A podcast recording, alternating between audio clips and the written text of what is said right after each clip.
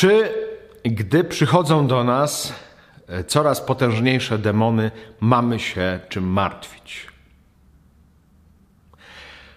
Raczej bym się martwił tym, kiedy nie przychodzą coraz potężniejsze demony, bo to świadczy o tym, że się nie rozwijamy.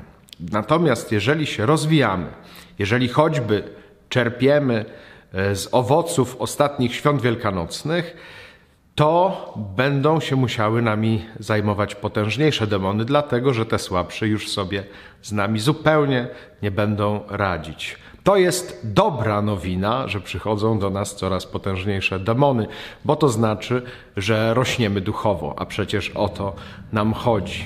Natomiast jeżeli przychodzą potężniejsze demony, to i my jesteśmy silniejsi w walce z nimi, więc nie ma co się martwić. Trzeba być tylko uważnym, żeby dostrzegać zmiany. Jakie demony teraz nam nas kuszą? Jakie demony, czy w jaki sposób do nas teraz e, podchodzą?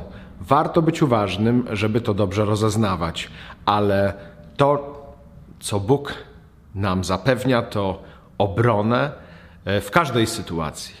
Jeżeli przychodzą potężniejsze demony, to i łaska jest potężniejsza. Na Boga zawsze możemy liczyć. Wtedy zwyciężamy. Nie bójmy się, bo to nie pomaga zwyciężać.